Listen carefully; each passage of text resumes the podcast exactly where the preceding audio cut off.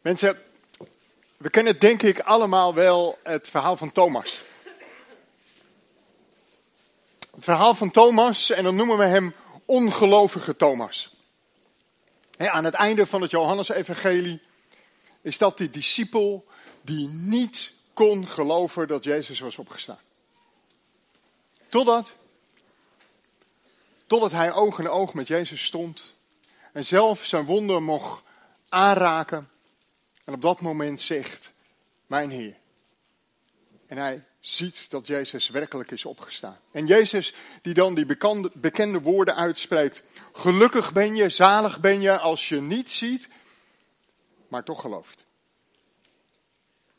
En eigenlijk is dat bij de Emmausgangers niet echt anders. Het verhaal wat we net gehoord hebben en wat zo mooi voor ons werd uitgespeeld.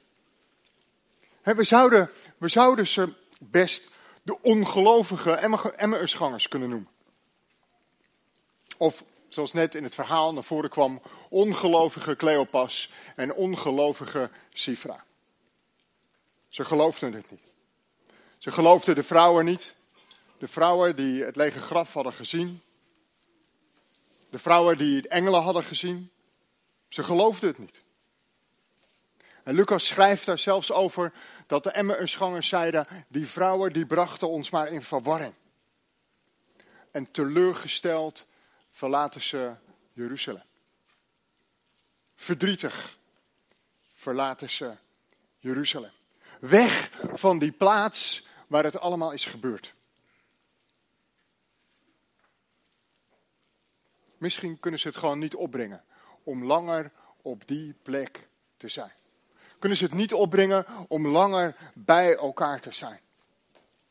Is hun verdriet te groot om het onder ogen te zien? Of om de kletspraatjes van die vrouwen aan te horen? En het is maar, het is maar ongeveer 10 kilometer lopen, twee uurtjes, ze gaan. Ze gaan op pad. Of ze gaan er vandoor. Nee, dat is wat verdriet en wat teleurstelling met je kan doen.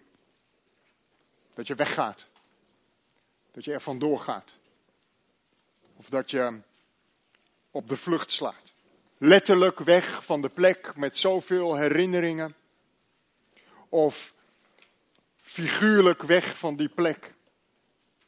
Door je gedachten en je lichaam te verdoven met van alles en nog wat. Maar Jezus, Jezus denkt hier anders over. Jezus laat ze niet gaan. Jezus komt langs zij. Hij loopt met ze mee. Hij legt uit. En hij gaat met ze aan tafel. In de wandeling komt Jezus langs zij en loopt hij met de Emmausgangers mee. En het lijkt erop in eerste instantie alsof Jezus een soort van spelletje met ze aan het spelen is.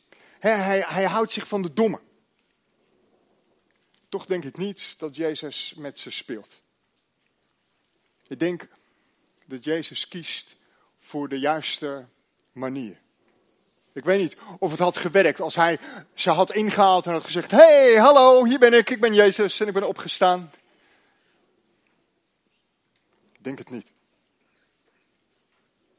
Jezus loopt mee. Hij neemt de tijd en hij is geïnteresseerd. Hij ziet ze. Hij ziet de Emmausgangers. En hij neemt hun verdriet serieus. Jezus luistert. Hij luistert naar hun verhaal. En hij hoort waar hun verdriet zit. En hij hoort waar hun onbegrip zit. Jezus komt niet direct met een oplossing, maar hij loopt rustig mee en hij luistert naar ze. Hij laat ze in hun waarde, hij neemt ze serieus en hij neemt hun verdriet serieus. En in dat serieus nemen zit dan ook een confrontatie. We hoorden het net al. Wat zijn jullie dom? Oké. Dom in de zin van onwetend.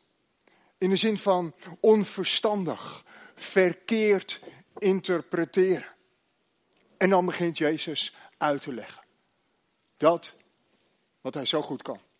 Dat wat hij drie jaar lang al gedaan heeft. En net zoals hij drie jaar lang onderwijs heeft gegeven, geeft hij opnieuw onderwijs. En hij legt uit dat het koninkrijk van God, dat het in het koninkrijk van God niet gaat om een Messias die als een soort van nieuwe Marvel superheld komt, ziet en overwint. Nee, hij zegt, de Messias die moest lijden. De Messias moest lijden. Dat is het omgekeerde van het koninkrijk van God. Lijden hoort erbij. De Messias moest lijden, net zo als de profeten in het Oude Testament. Lijden om uiteindelijk de glorie binnen te gaan. Zo schrijft Lucas dat in zijn evangelie. En met Jezus zouden wij, zouden jij en ik ook kunnen zeggen, wat zijn ze toch dom. Wat zijn ze toch dom. Snappen ze het dan niet? Maar is het bij mij, is het bij jou echt anders? Houden wij echt rekening met lijden in ons geloof? En dan heb ik het niet over de vervolging waar onze broers en zussen mee te maken hebben in gesloten landen. Nee, een ander soort van lijden. Misschien wel een lijden van slikken, omdat je op je ego getrapt bent. Misschien wel een lijden omdat je omwille van een bepaalde relatie toch door wil gaan.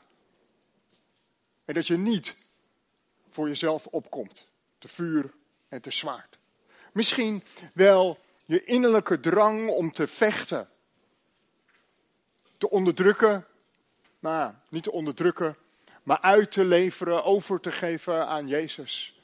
En om dat als leider te ervaren. Weet je, loslaten en jezelf overgeven is een makkelijker gezegd tegen iemand anders dan dat je het zelf toepast in je leven. En ook daar zit een aspect van lijden aan vast. Jezelf wegcijferen omdat jij die ander belangrijker vindt. Belangrijker dan jezelf. En Jezus loopt mee. Maar ze zien hem niet. En Jezus legt uit. Maar ze begrijpen hem niet. Het keerpunt komt pas als Jezus aanschuift aan tafel. In de, in de normale routine van het alledaagse leven.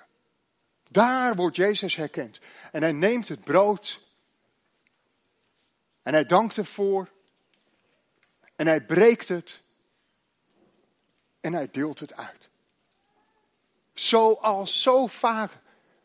Als Jezus aan tafel aanschuift, gebeurt er wat. Jezus schuift aan en hij verandert van gast naar gastheer.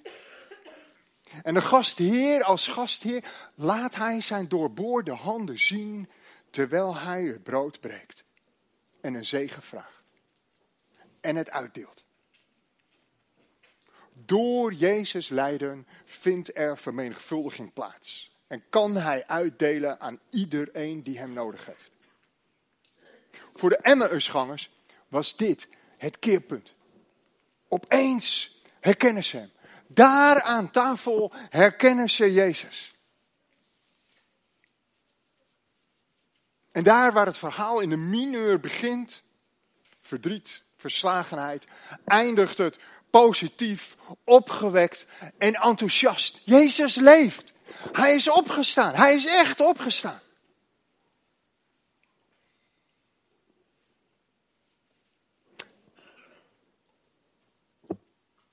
En ik vroeg mezelf af, wat is jouw keerpunt? Wanneer herkende jij Jezus? Of in het hier en nu Wanneer ga jij Jezus herkennen?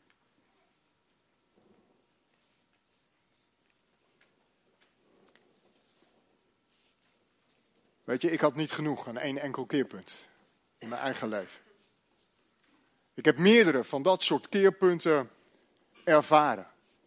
En soms was het vrij tussen neus en lippen door iets wat iemand zei, een woord of een lied wat in me opkwam.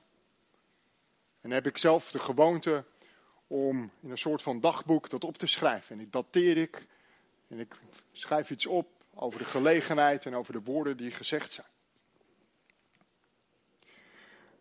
Maar er waren ook keerpunten die ingrijpender waren. En die dieper gingen.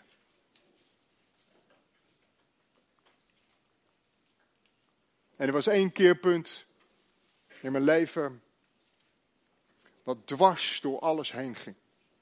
Een keerpunt wat ik me herinner als de dag van gisteren. En dat was bijna 30 jaar geleden. Dat ik aan het graf stond van een vriend. Die de vorige maand 19 was geworden.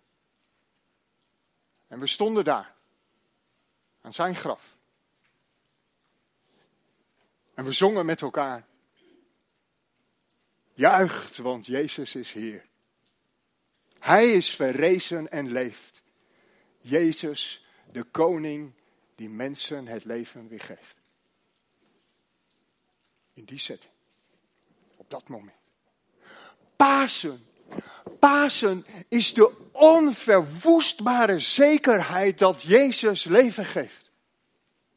Pasen is niet een blijde verwachting, maar Pasen is de zekerheid van een leven na de dood. Pasen betekent niet alleen dat Jezus ons lijden en ons verdriet ziet en serieus neemt, maar het betekent vooral dat Hij ons er niet mee laat zitten. Pasen betekent dat gebrokenheid wordt tot voedsel om uit te delen. Zoals Jezus het brood breekt, er een zegen voor vraagt en het uitdeelt aan de mensen om hem heen. Pasen is met recht een feest om te juichen. Niet oppervlakkig schreeuwen bij een voetbalwedstrijd of zo. Maar om diep vanuit je binnenste te juichen, omdat je weet dat het goed komt. En misschien, misschien wel een juichen zonder geluid. Misschien wel een juichen met de tranen in je ogen. Maar een juichen omdat je weet dat Jezus leeft. Een juichen omdat je weet dat Jezus is verrezen en leeft. De koning die mensen het leven weergeeft. Laten we bidden met elkaar.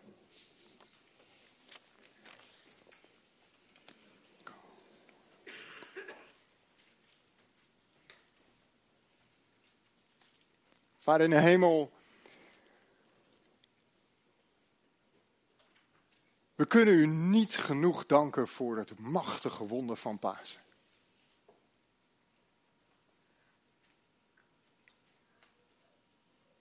Heer, en we kunnen niet hard genoeg juichen voor het machtige wonder van Pasen. U bent de levende God. U bent de levende God. Heer, en allemaal zoals we hier zijn vanmorgen.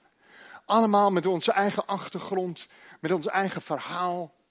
Misschien wel met, met onze eigen diepe pijn. U kent ons. En u weet het. En Heer Jezus, dank u wel dat u niets liever wil dan meelopen, uitleggen en bij ieder van ons aan tafel aanschuiven.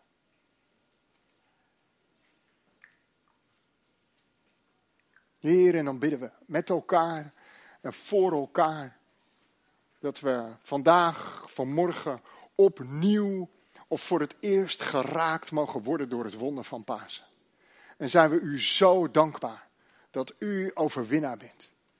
En dat het met recht een blijde, een vreugdevolle, een enthousiaste dag mag zijn, omdat u leeft. Heren, mogen we met elkaar uit het diepst van ons wezen halleluja zeggen. Halleluja. We prijzen uw grote en machtige naam. Amen.